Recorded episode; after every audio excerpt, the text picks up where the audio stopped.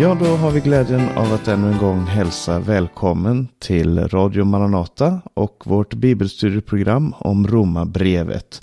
Vi har kommit till det trettonde kapitlet. Eh, vi har alltså haft tolv program tidigare och vi tar ett kapitel om gången. Vi är i det trettonde kapitlet som är ett av de kortaste kapitlen, om inte det kortaste kapitlet, men bara 14 vers. Och eh, det här kapitlet handlar dels om den troendes förhållande till överheten och om hur lagen blir uppfylld i kärlek. Och vi som ska samtala om den här texten är eh, Hans Lindelöf i Sverige, Berno Widén i Dominikanska republiken och jag Paulus Eliasson i Rumänien. Vi är samlade över tre olika tidszoner här. Eh, och det är jag som ska eh, ta den första delen här och därför ska jag med en gång hoppa in i texten i Romarbrevets 13 kapitel och från den första till den femte versen läser jag här, där det står så här. Varje människa ska underordna sig den överhet hon har över sig. Det finns ingen överhet som inte är av Gud och den som finns är tillsatt av honom. Den som motsätter sig överheten går därför emot Guds ordning och den som gör så drar domen över sig själva. De styrande är ju inget hot mot de som gör det goda, utan mot de som gör det onda. Vill du slippa vara rädd för evighet, överheten, gör då det goda, så får du beröm av den. Överheten är en Guds tjänare till ditt bästa, men gör du det onda ska du vara rädd, för överheten bär inte svärdet utan orsak. Det är en Guds, den är en Guds tjänare, en hämnare som straffar den som gör det onda. Och därför måste man underordna sig, inte bara för straffets skull, utan även för samvetets. Och eh, det här är en eh, ganska känd text skulle jag vilja säga. Eh, den, den är ganska praktisk och eh, talar då väldigt tydligt om den troendes förhållande till överheten, eller egentligen varje människas eh, tänkta förhållande till överheten. Det är ordet som används här genomgående. Överheten som kallas för en Guds tjänare. Och när man läser den här texten så är det lätt att man går i en av två olika fällor. Eh, eller att man går i en fälla som jag kallar för men-fällan. Alltså när man väger två saker mot varandra så blir oftast det som kommer efter ordet men som gäller. Alltså, jag tycker om honom, men han är också ganska jobbig. Så är det bestående intrycket att den här personen är ganska jobbig. Men om jag å andra sidan säger, ja han är ganska jobbig, men jag tycker om honom, så blir det bestående intrycket att man tycker om den här personen. Och det finns lite samma fara i Romarbrevet 13, för att den här texten måste helt uppenbart vägas mot andra ting som sker i skriften när det gäller eh, överheten och staten och vårt förhållande till eh, ja, de som är de politiska ledarna. Och det finns många bibelord som talar om att man ska göra motstånd mot överheten. Så då kan man säga, ja, Romarbrevet 13 lär oss att vi ska underordna oss överheten, men vi är också kallade att göra motstånd. Och det, det är ju helt sant. Och här är problemet då att det bestående intrycket då blir att vi egentligen inte behöver underordna oss. Och vi använder då andra texter för att försvara att man inte att man inte ska göra det. Å andra sidan så kan man säga att ja, det är sant att det finns många ställen i skriften som det står att man ska protestera och man ska vägra det som staten kräver. Men Romarbrevet 13 säger att vi ska underordna oss. Och summa summarum blir att ja, men då ska man lyda och underkasta sig. Och, men saken är den att båda delarna av det här är sant. Och båda delarna måste hållas i en och samma hand för att säga det så av den som menar sig vara en bibeltroende kristen. Och eh, det, så den här texten då börjar med, jag ska inte ta det vers för vers, det är ganska kort det här, men jag ska bara läsa vad det står i första versen där det står så här. Eh, varje människa ska underordna sig den överhet hon har över sig. Det finns ingen överhet som inte är av Gud och den som finns är tillsatt av honom. Alltså säger den här texten att det finns ett ansvar hos varje person, mot det, det som kallas för överheten. Det handlar om den politiska överheten. Det tror jag eh, Berno kommer nämna lite mer om i vers eh, eh, 6 och 7 som handlar om skatten. Det handlar om den juridiska överheten, alltså den som har möjlighet att döma. Och den polisiära överheten, eh, han, han säger att eh, eh han säger att eh, då, eh, överheten bär inte svärdet utan orsak. Det handlar inte om det militära men mer om det polisiära. Eh, och, så överheten har en tjänst och den tjänsten är den insatt till av Gud. Och så vitt jag kan se i Bibeln så finns det tre, ska vi kalla det för institutioner som är givna av Gud. Och det är familjen, församlingen och samhället. Och, och, varje del av de här tre har också ett ledarskap. Familjen har sina föräldrar, församlingen har sina äldste och samhället har sin överhet. Och man kan ju tycka att det är märkligt att Paulus här talar så varmt om överheten när den uppenbart i hans tid var en väldigt antikristen företeelse. Han var ju själv väldigt ofta förföljd, han blev fängslad och han behandlades extremt illa av överheten och det är svårt att tänka sig att han inte önskade sig att det skulle vara annorlunda eller att han inte var oenig med dem som, som, ledde, eh, som ledde de olika politiska institutionerna. Eh, och han levde ju heller inte under någon demokrati utan en diktatur. Och därför skulle man tycka att hade det inte varit bättre om han i Romarbrevet 13 hade sagt att eh, protestera, starta ett uppror, gör någonting Eh, vägra underordna er, vägra lyda, vägra lyssna. Eh, men istället så, så uttrycker han det på det här sättet som vi må, faktiskt måste förhålla oss till. Och man kan ju fråga sig vad betyder det då att överheten är insatt av Gud? Och jag skulle vilja säga att alla som leder och styr gör det därför att Gud tillåter det. Alltså alla som har en, en position, som har en roll, eh, har den positionen Eh, inte för att det är Guds fullkomliga vilja, men för att Gud tillåter det. Till och med Satan, hans, hans roll och hans eh, funktion är, han existerar därför att Gud tillåter att han gör det. Och det betyder inte i sig att alla ledare är goda och rättfärdiga. Eh, tvärtom så, så är det väldigt mycket med, med det politiska, juridiska och annars ledarskapet som, som driver människor till att visa sig från sin absolut värsta sida. Men det betyder att de har en funktion. Polisen har en funktion, domstolarna har en funktion och så vidare. Men det, och det som är deras funktion står i vers 13 här. Eh, eh, de är Guds tjänare, en hämnare som straffar den som gör det onda. Det är, det är funktionen. Att vara ett hot mot de onda och belöna de goda. Och man skulle kunna tro att det här är väl Guds uppgift. Är det inte det? Att, att eh, belöna den som har gjort gott och, och, och, döma den som har gjort ont. Och Gud dömer människorna när de dör och så vidare. Men faktum är att överheten har en funktion i vår tid, i samhället, att skapa ordning och att förhindra ett kaos. Och det andra man kan fråga sig är vad betyder det att underordna sig? Och Paulus säger ju inte här att eh, man, man ska lyda överheten. Faktiskt. Han använder inte ordet lyda eller lyssna då som, som är det grekiska ordet som används för det. Utan han säger att man ska underordna sig och det är faktiskt lite annorlunda. Att lyda eller lyssna på någon det är att göra det som den personen säger. Men att underordna sig är att acceptera och erkänna att man är del av en, en ordning. Eh, vi är en del av ett samhälle, oavsett om de som sitter i riksdag och regering är goda eller onda människor.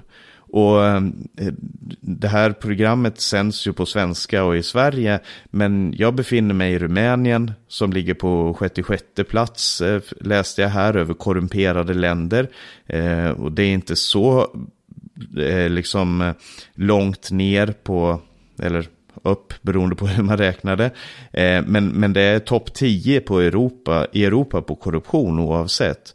Dominikanska republiken av, av 190 länder, eller vad det är, 196 länder, ligger på 128 plats och är, är ett land som räknas som väldigt korrumperat. Och det, eh, det är ju saker och ting som man säger, men här måste församlingen eh, protestera, vi kan inte underordna oss så här. Men samtidigt så är det ingen av oss som lever i romarriket, som var en fruktansvärd diktatur, eh, med mindre man satt i eliten då i, i romarriket. Men det var just där som aposteln Paulus levde och som han skrev till en församling som bara några år tidigare hade genomgått ett statligt övergrepp när alla judarna blev utkastade ur Rom. Och då var det många av de här eh, som trodde på Jesus som blev utkastade. Och så, så det finns en underordning som inte betyder nödvändigtvis detsamma som lydnad. Men en annan fråga är ju hur man står upp mot den som man underordnar sig. Alltså vad, vad är vår roll då? Hur protesterar vi? Och jag sa att vi, Gud har Eh, eh, tre institutioner eller vad man ska kalla det, familjen, församlingen och samhället. Och vi kallas alla till att vara lydiga i alla tre fallen. Bibeln säger att barn ska lyda sina föräldrar. Men det betyder ju inte att om en far ber sin son att stjäla från en butik så, så ska han göra det. Eh, allt som en far, om, eller, en far ber om eller som en mor ber om är inte gott. Eh, och att ett barn är olydigt är inte alltid fel. Men det finns en, en ordning som man befinner sig i. Och det är samma sak i församlingen. I Hebreerbrevet kapitel 13 och vers 17 så står det att man ska lyda sina ledare och visa dem respekt. Men om jag till exempel skulle se att en ledare i församlingen stjäl pengar eller lever i synd eller någonting annat så betyder inte det att man inte har rätt att protestera eller till och med skyldighet att göra det. Och det finns många exempel i Bibeln på både sund och, och, fungerande olydnad. Du kan läsa i Gamla Testamentet i Andra Mosebok om de barnmorskorna som vägrade döda de hebreiska barnen trots att farao krävde det. Du kan läsa om Daniel som bad just när kungen hade förbjudit det så gjorde han ett öppet, en slags öppen protest emot det. Och Petrus och Johannes i Nya Testamentet som inte slutade förkunna evangelium trots att Sanhedrinen krävde det. Och Paulus som flydde från Damaskus när stadens ledare ville fånga honom. Man skulle kunna konfrontera honom med Romarbrevet 13 och jag tror att han har, hade haft ett väldigt bra svar på det. Därför att överhetens funktion, det är att straffa de onda och belöna de goda som sagt. Och i, i grund så är kristna kallade att göra gott, att hjälpa människor, stödja människor, undervisa. Det var kristna som startade de första skolorna som var både för män och kvinnor, fattiga och rika. Vi är kallade att älska, vi är kallade att hela. Och vi är inte kallade att vara skattesmitare eller korrupta eller förstöra samhället genom att utnyttja och smyga runt lagar. Vi har en tjänst i samhället och det är att vara Kristus trogna. Någonting som verkligen betyder att tjäna samhället, att göra det goda. Och man kan ju ta exempel, kan kristna bryta fartgränserna? Jag skulle vilja säga att det är fel, även om jag själv måste erkänna att jag har gjort det många gånger och till och med fått böter för det. Men, men som vers 5 säger eh, så ska man lyda inte bara för att, av rädsla för att bli straffad, men det är en ren samvetsfråga. Eh, därför måste man underordna sig, inte bara för straffets skull, utan även för samvetets. Och det här kan vara viktigt, kanske framförallt i kulturer där, där man har Eh, där man har den här eh, inställningen till överheten. Därför att överheten har betett sig så illa så har man rätt att bete sig illa tillbaka. Och man kan ju också tänka, vi, vi som har en Eh, jag som har en bakgrund i Maranata och som är väldigt knuten till det och, och eh, ni bröder här, Hans och Berno som, som tjänar i Maranataförsamlingen, vi kan ju tänka på vår egen historia. Eh, ni har ju själva varit med på aktioner och jag har varit med på aktioner som nog kunde ha, ha renderat i både det ena och det andra. Maranata har gjort sig kända bland annat som en protest mot samhället. På 60-talet så var det de här antiporraktionerna där man klistrade igen skyltfönstren på pornografiska butiker. På 70-talet så stod man och sjöng inne på Systembolaget i protest mot staten som hantlangare av alkohol. Eh, det här var före min tid, men då jag var liten så hjälpte vi många familjer att gömma sig från, från barnavårdsmyndigheterna som ville omhänderta barn. Där har till och med jag eh, historier som jag kunde berätta om, om eh, väldigt dramatiska händelser. Eh, och vi har också protesterat mot lagarna om aga, samkönade äktenskap, adoption för samkönade par, lagarna om abort och så vidare. Och själv så är jag vapenvägrare och även om det inte i det fallet ledde till fängelsestraff för mig så har det gjort det för många andra som då har vägrat sin medborgerliga plikt.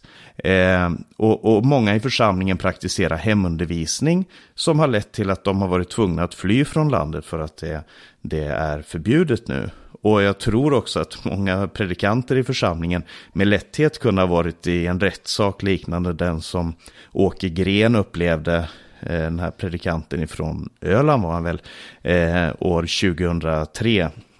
Och man kan i enkelhet säga att Maranataförsamlingens uppror har bestått i störande uppträdande, vandalisering de, med de här porraktionerna, civil olydnad, opinionsbildning mot lagar, brott mot medborgarplikter och hjälp till de som har varit på flykt undan polis. Och, och, och det här är ju saker och ting som eh, oavsett om man som kristen vill försvara eller anklaga, jag skulle verkligen vilja försvara det här och stå upp för det här och säga att det, det är en tjänst som församlingen har haft, så, så eh, tycker jag inte att man ska ta lätt på någon av de här sidorna i ljuset av det vi läser i Romarbrevet 13. Eh, vad betyder det att vara en kristen i en antikristen tid?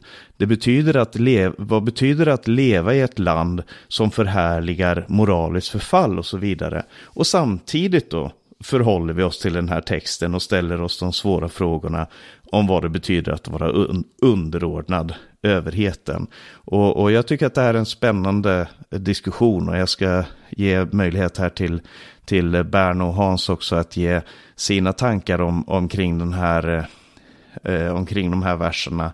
Eh, kanske Hans, du vill börja och, och eh, dela någonting om vad du tänker om det vi har läst hittills. Alltså, det är ju det är tydligt att apostlarna är väldigt överens om det här. Att, eh, att eh, evangelium, att eh, komma med evangelium till hedna nationerna, det har ingenting med politiskt uppror att göra. Man skulle kunna uppfatta Jesus som en revolutionär som satte sig upp mot överheten då. Eh, men det vore ett stort missförstånd att översätta det alltså till att församlingen i, i, i hans efterföljelse skulle göra, göra politiskt uppror bland hedningarna. Jag, jag tittar på några uttryck här. Jag tyckte det var intressant att se. Du, du ställde själv frågan om det här att vara förordnad av Gud. Ja, om överheten är förordnad av Gud, vad är det för ord då? Det är grekiskan det tasso, tasso. Men i vers 2 står det om att sätta sig upp mot överheten. Och då det här uttrycket sätta sig upp på grekiska är antitasso. Antitasso. Att agera som en som inte är förordnad av Gud. Och det ska ju församlingen aldrig göra. Men eh, eh, Jesus hade ju det uppdraget. Han kom ju för att ta riket från judarna och ge det åt ett folk som bär dess frukt. Det var ju det han uttryckligen sa. Och därför så eh, satte han sig mot överstepräster, skriftlärare och äldste. Men vi vet, vi som tror på Jesus, att det var ju de som satte sig upp mot honom. De satte sig upp mot sin Gud och Herre. Vi, ska, vi, ska in, vi har inte kommit med vårt budskap för att göra politiskt uppror. Det här betonades kraftfullt av apostlarna.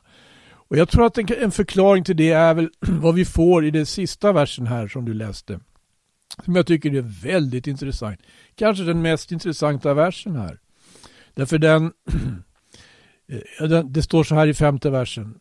Därför måste man vara överheten underdånig. Inte bara för vredesdomens skull, utan också för samvetets skull. Det här att alltså vara kristen och vara en Jesu efterföljare, alltså det är framför allt en samvetsfråga. Eh, inte, eh, det, det, det, inte så mycket, alltså, oberoende av vilken slags politisk makt som råder, så är det framförallt en samhällsfråga att vara en Jesu efterföljare och se till att man själv lever eh, efter vad han har bjudit. Förblir i honom som det heter. Då ska han också förbli i oss. Och då kommer det här förhållandet till överheten på ett naturligt sätt. Alltså det, det, det, är inte själva huvudsaken utan huvudsaken är att vara en Jesu efterföljare. Mm. Ja. ja, tack ska du ha. Eh, Berno, du kanske också har några tankar och, och dina verser tar, fortsätter ju på samma tema här också så du får ta oss med vidare in i texten också. Mm, tack. Eh, det jag lyssnat till hittills, det, jag tycker ni har gett väldigt uttömmande eh, kommentarer kring de här verserna. Och eh, det finns ju många exempel i Bibeln på dels eh, vad det handlar om att vara, eh, underordna sig, men också det här med olydnaden som, som eh, har fört med sina konsekvenser då. Men eh, det, det, det, det, finns något av det här med att lyda Gud mer än människor. Och där kommer man ju in i en konfliktsituation då som gör att man måste ta ställning. Eh, det, det, det, är lätt att man kanske plockar ut de här verserna från Romarbrevets sammanhang istället för att läsa in det som en del i hela Romarbrevet. Och eh, jag, jag såg en bibelkommentator, Morai, han påpekade att eh, det vi läser i kapitel 13, det är inte en parentes eller någonting på sidan om, utan det hör till eh, citat då, våra plikter att respektera och underordna sig myndigheterna. Och att det bör kopplas ihop med det vi läser i kapitlet innan där det står i vers 2. Anpassa er inte efter den här världen utan låt er förvandlas genom förnyelsen av ert sinne så att ni kan pröva vad som är Guds vilja, det som är gott och fullkomligt och behagar honom. Eh, att underordna sig överheten, det, det handlar inte om att anpassa sig till den här världen. Men här kom det här männet som du nämnde. Det handlar om att i ödmjukhet böja sig, även då man menar sig ha rätt. Och, och, och, och här kommer det här eh, till uttryck, tycker jag, som vi har läst tidigare också, att besegra det onda med det goda. Vi får inte glömma att vi har ett dubbelt medborgarskap. Dels det jordiska, men också det himmelska. Och det är det himmelska som borde forma våra göranden, vårt liv här på jorden. Eh, nu ska jag gå vidare eh, och läsa då från vers 6. Eh, vi läser Det är också därför ni betalar skatt, för de styrande är Guds tjänare och ständigt verksamma för just den uppgiften. Ge allt vad ni är skyldiga dem. Skatt åt den som ska ha skatt, tull åt den som ska ha tull, respekt åt den som ska ha respekt och heder åt den som ska ha heder. Var inte skyldiga någon något utom i detta att älska varandra. Den som älskar sin nästa har uppfyllt lagen. Buden du ska inte begå äktenskapsbrott. Du ska inte mörda. Du ska inte stjäla. Du ska inte ha begär. Och alla andra bud sammanfattas i detta ord. Du ska älska din nästa som dig själv. Kärleken gör inte sin nästa något ont. Alltså är kärleken lagens uppfyllelse. Eh, den första uppmaningen vi läser om här, och det handlar om att betala ålagda avgifter som myndigheterna har bestämt, som skatt och tull. Och den här tanken att betala skatt och tull, den är ju gammal. Det kan vi läsa eh, om i Gamla Testamentet. Vi kan läsa där om väl genomtänkta skattesystem eh, under Mose tid. Där eh, kan vi läsa om eh, exempelvis det som har med tiondegivandet att göra, vilket var en del av Israels skattesystem. Dels var det tiondet av skörden som eh, skulle gå till underhåll då, till leviterna som inte hade någon egen arvedel i kanan.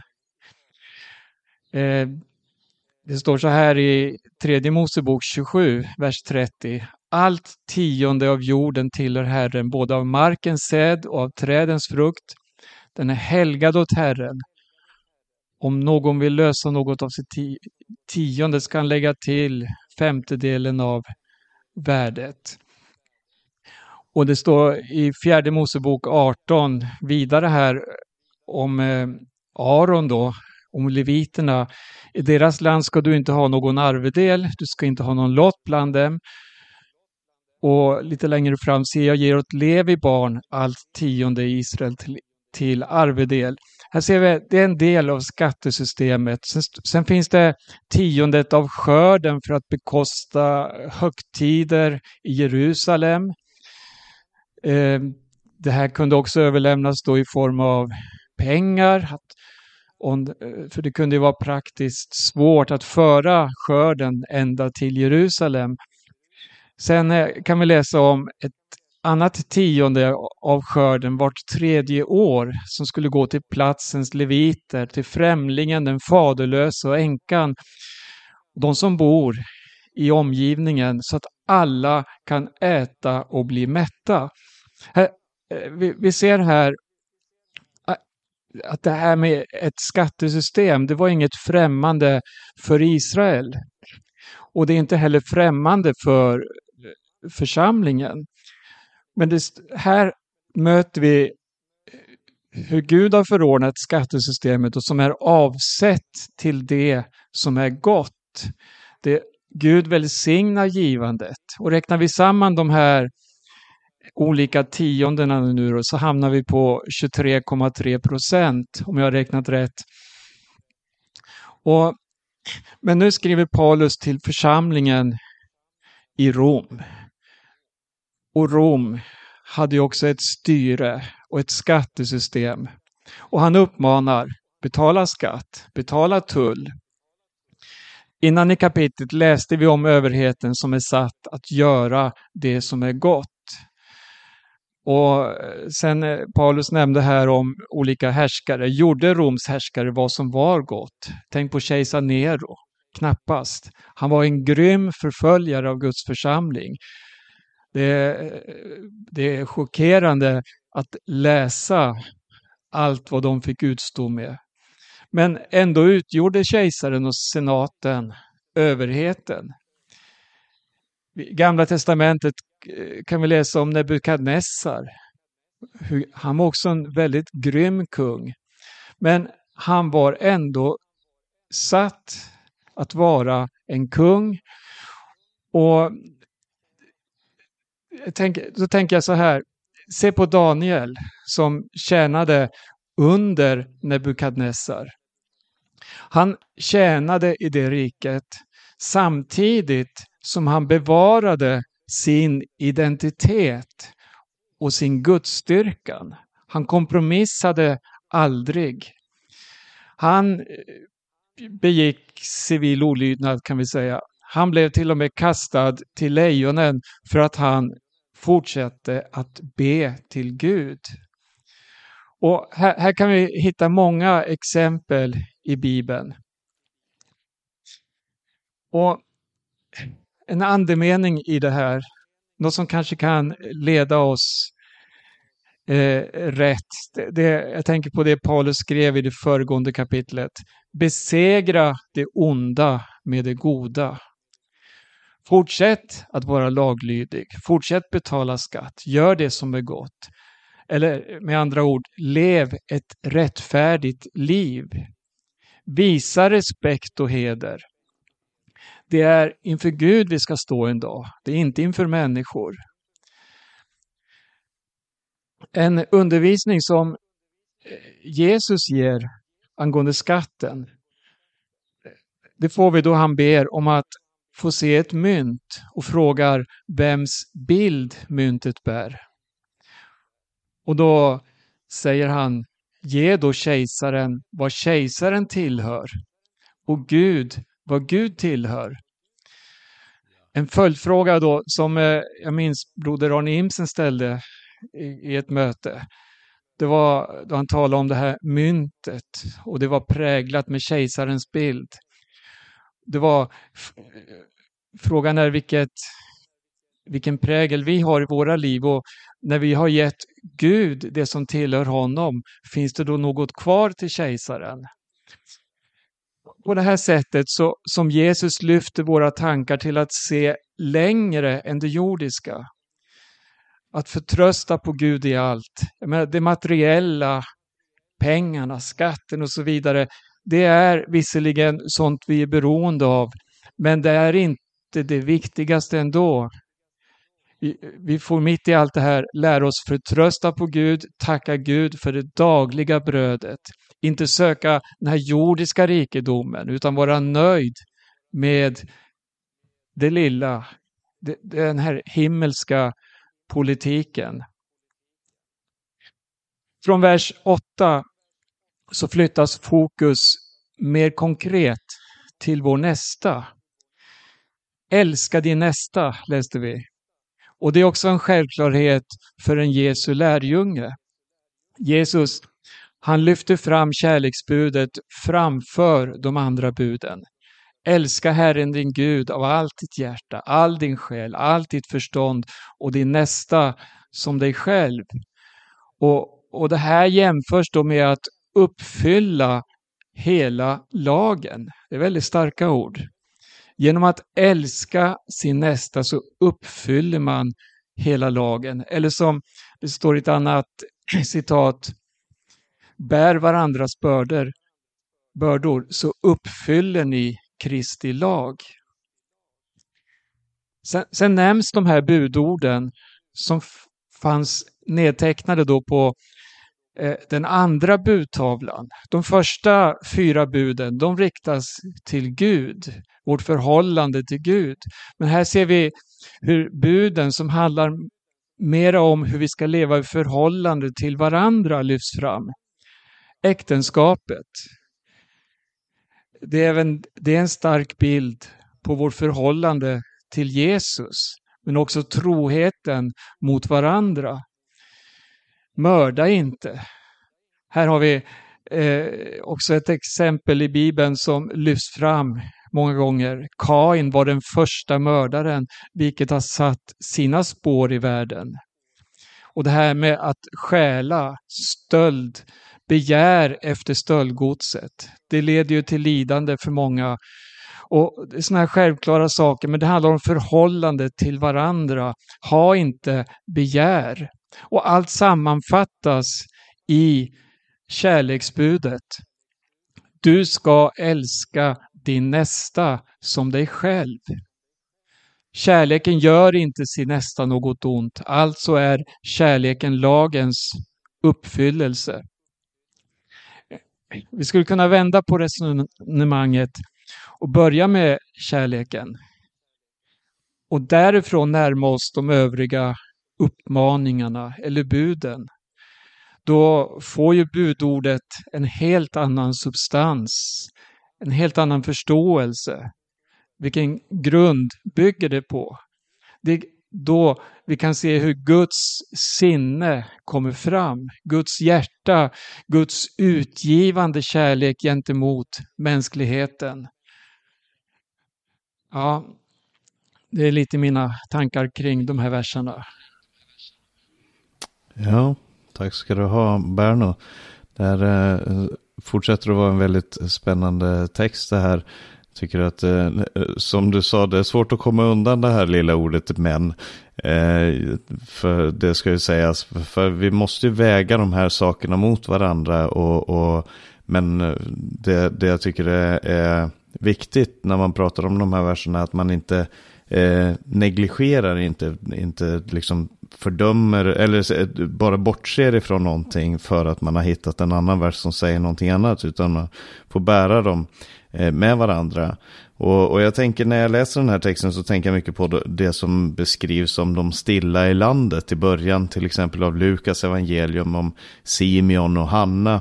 De som eh, väntade på Herrens frälsning och som levde i landet som, som goda medborgare. Som, som människor som eh, som respekterade sin samtid men som också levde ut det här hoppet i Kristus. Och det, det är intressant att, att, läsa vad Paulus undervisar här om att ge skatt, tull, respekt och heder till de som är det värda.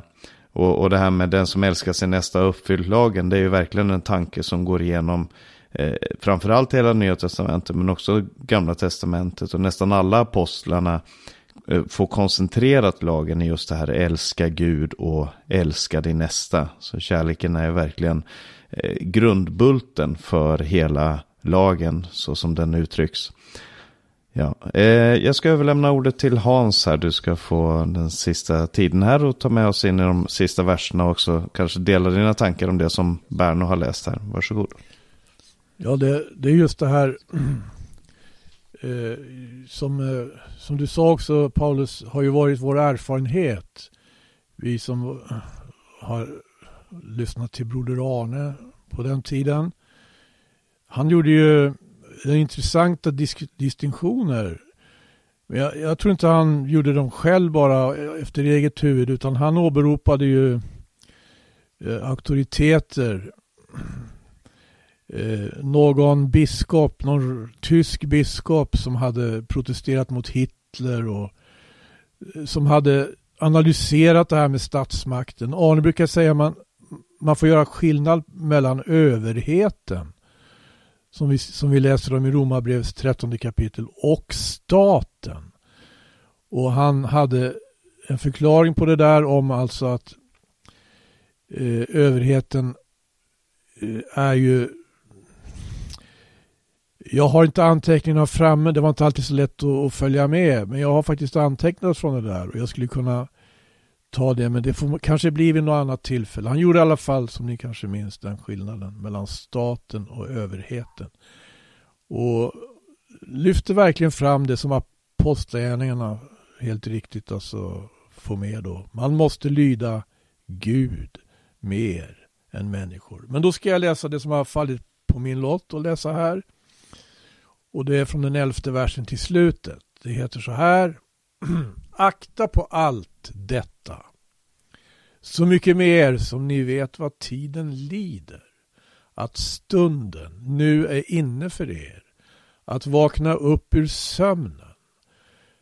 Ty frälsningen är oss nu närmare än då vi kom till tro. Natten är framskriden och dagen är nära. Låt oss därför avlägga mörkrets gärningar och ikläda oss ljusets vapenrustning. Låt oss föra en hövisk vandel såsom om dagen, icke med vilt leverne och dryckenskap, icke i otukt och lösaktighet, icke i kiv och avund. Ikläd er fast med Herren Jesus Kristus och ha icke sådan omsorg om köttet att onda begärelser därav uppväckas. Eh, det här är ju ett perspektiv som är ganska så eh, enormt. Och jag tänker nu på det han skriver i elfte versen. Jag börjar från slutet i versen. Han skriver att frälsningen är oss nu närmare än då vi kom till tro. Och då är det helt klart att han lägger ju betoningen här på slutfrälsningen. Vi har eh, att göra med en frälsning som har eh, olika sidor. Och det här eh, uttrycket det gör ju klart att det är slutfrälsningen han har i tankarna då Herren kommer. Annars så skulle han ju kunna uh, citera ställen i, hos profeterna. Jag tänker på Joel, profeten Joel, så var och en som åkallar Herrens namn ska bli frälst. Den frälsningserfarenhet som människan gör då hon anropar namnet, då hon beder till Herren Jesus Kristus. Eh, som Ananias som bad för Saulus fick säga till honom. Stå upp, eh, avtvå dina synder, låt döpa dig och anropa därvid hans namn, alltså Jesu namn. Och det skulle, det är ju en, han fick göra den här erfarenheten av en eh, försmak då, en begynnelsefrälsning som eh, kommer alltså till sin fullbordan när Herren kommer. Frälsningen är oss nu närmare. Betoningen ligger på den frälsning som är slutfrälsningen. Som är härligheten när han kommer eh, i sin härlighet. Och i, i tolfte versen står det att natten är framskriden och dagen är nära.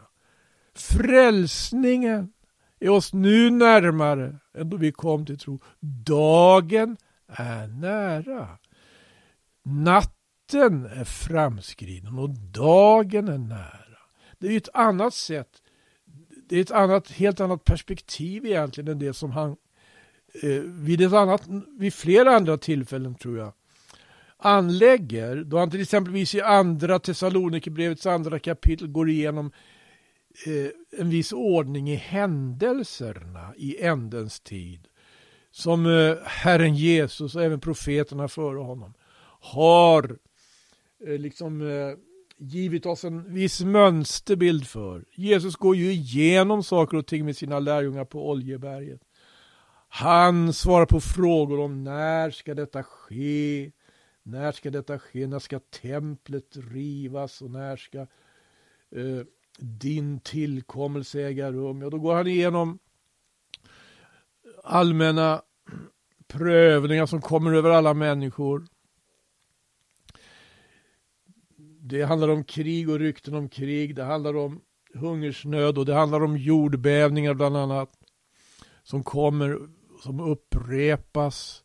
Men det här kallar han, det här säger han att det ska inte få oss att förlora besinningen för det är bara början på födslovåndorna. En period som går under beteckningen födslovåndorna kommer att avlösas av en annan period som eh, kännetecknas av ett stort helgerån. Då förödelsens styggelse, som det heter, ska stå på helig, helig, helig plats. Han tar därvid Daniel, fasta på Daniels förutsägelse och då säger han, då kommer en stor vedermöda. Sådan så att dess, dess lika icke varit alltifrån den tid då människor blev till på jorden, ända till den tiden. Födslovåndorna, vedermödan. Och, och sen kommer allting att bli svart. Solen ska förmörkas och månen ska mista sitt sken. Och stjärnorna ska falla från himlen. Eh, det här är Matteus evangeliets 24 kapitel. Men här, helt kort, så uttrycker sig aposteln på det viset i 12 versen. Natten är framskriden och dagen är nära. Vilken, vilket perspektiv. Va? Natten är framskriden och dagen är nära. Och frälsningen är oss nu närmare än då vi kom till tro. Vi kan se på hela denna tidsålder och alla de erfarenheter vi gör i världen som en natt. Men det kommer en dag då frälsningen, den stora slutfrälsningen, kommer att ske. Och dagen kommer att bryta in. Jesus talade om tidstecknen. Han talade om fikonträdet. Och att vi skulle vara uppmärksamma på när dess kvistar får sav och löven spricka ut. Och jämföra det också med att natten ska avlösas av dagen eller vintern ska avlösas av sommaren. Låt oss därför avlägga mörkrets gärningar och ikläda oss ljusets vapenrustning ljusets vapenrustning eller Guds vapenrustning. Vi kan läsa om Guds, hela Guds vapenrustning i Efesierbrevets sjätte kapitel. Där det handlar om frälsningens hjälm och trons sköld. och rättfärdighetens pansar och sanningens bälte och verkligen någonting att ikläda oss. Ikläda oss ljusets vapenrustning för en hövisk vandel så som om dagen, icke med vilt leven och dryckenskap, icke i otukt och lösaktighet, icke i kiv och avund. Vad är det som tål ljuset? Det är det vi ska hålla oss till. Vad är det som inte tål ljuset? Det är det vi ska undvika. De första människorna i Edens lustgård, de levde, som det heter, i ett eh, paradisiskt tillstånd. Och det fanns ingen blygsel. De blygdes inte för varandra. Det var en ljuvlighet. Och det är ju det här som Jesus har kommit för att återställa. Han, han är den som återför människorna till det förlorade paradiset. Det är Jesus Kristus som gör det. Det är han som gör det. Och det eh, kommer ju till uttryck exempelvis i sändebrevet till Efesus Eh, den som vinner seger, jag tror det är sändebrevet till Efesus, den som vinner seger åt honom ska jag giva att äta av livets träd som står i Guds paradis. Det är nämligen det träd som människorna förlorade. När de förlorade hela lustgården och den så att säga formen för gudsumgänge som lustgård som vi inte förmodligen inte har en aning om vad det handlar om men som Jesus Kristus har kommit för att genom sin nåd återupprätta hos oss. Det kommer att handla om en hövisk vandel. Då. Det kommer att handla om att eh, undvika vilt levande, dryckenskap, otukt, lösaktighet, kiv och avund. Och ikläda sig, 14 versen, ikläd er fast med Herren Jesus Kristus. I tolfte versen ikläda oss ljusets vapenrustning. I fjortonde versen ikläda oss Herren Jesus Kristus. Ja, det är två sidor av samma sak. Och ha icke sådan omsorg om köttet att onda begärelser därav uppväckas. Det står inte att vi inte ska ha omsorg. Det står i Efesierbrevet också, ingen har någonsin hatat sitt eget kött. Istället när och omhuldar man det. Så som Kristus gör med församlingen.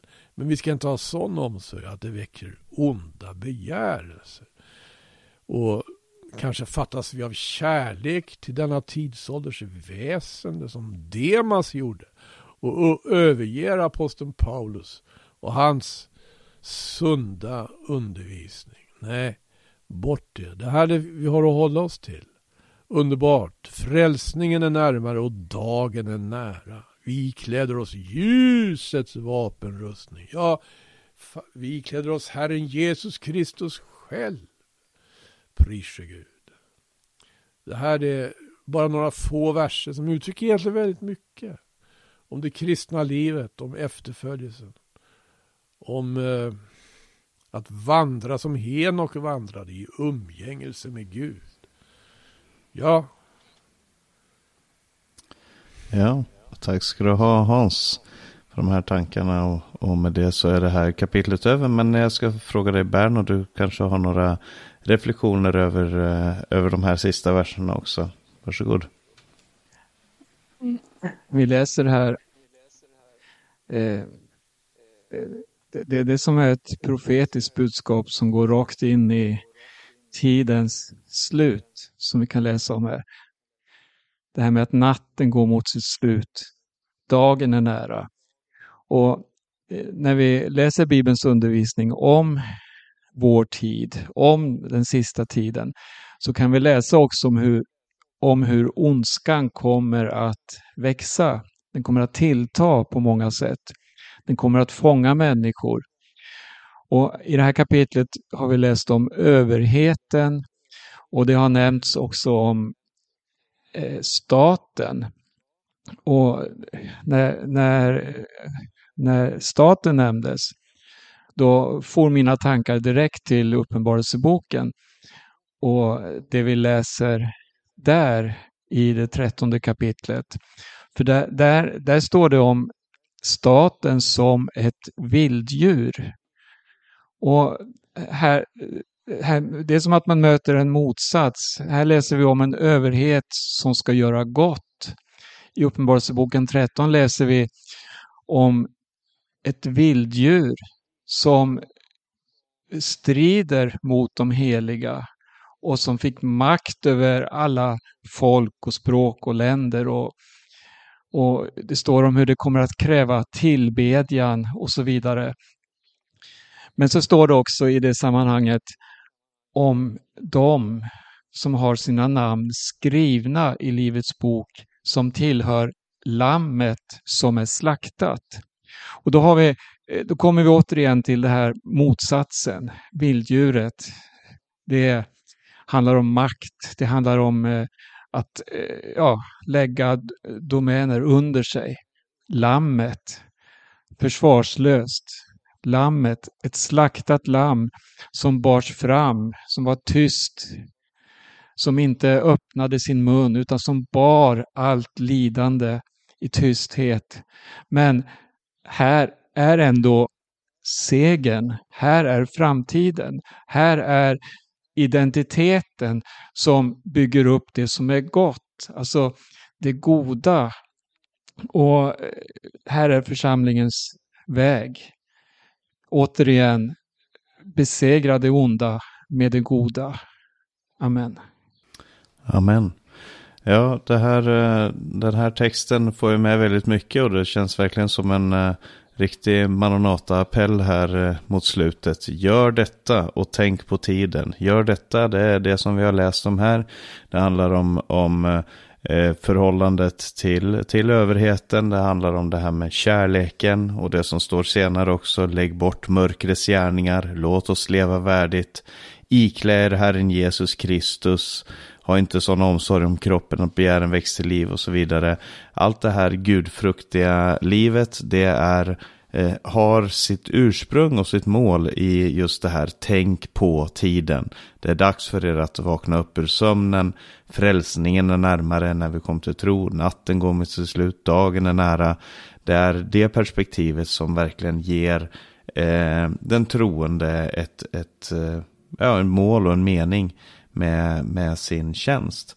Och eh, jag hoppas att, att eh, det här programmet har varit till, till undervisning och, och till hjälp och en kallelse om att leva för Gud och vänta honom. Eh, nästa vecka, om Herren dröjer och vi får leva och ha möjlighet, så ska vi dela med oss av kapitel 14 också. Och tala om det som handlar väldigt mycket om förhållandet mellan de starka och de svaga. Jag ska försöka reda ut begreppen omkring det. Men eh, tills dess. Och då tar vi ju då tar vi på sätt och vis upp tråden från ja, precis. kapitlet. Det precis, det, det, det, är väldigt mycket kopplat till det tolfte kapitlet där. Eh, men till dess så får vi säga tack för oss, vi som har samtalat här. Så den hörde sista var Hans Lindelöv, innan dess var Berno Widén och jag heter Paulus Eliasson. Vi önskar er Guds rika välsignelse och på återhörande.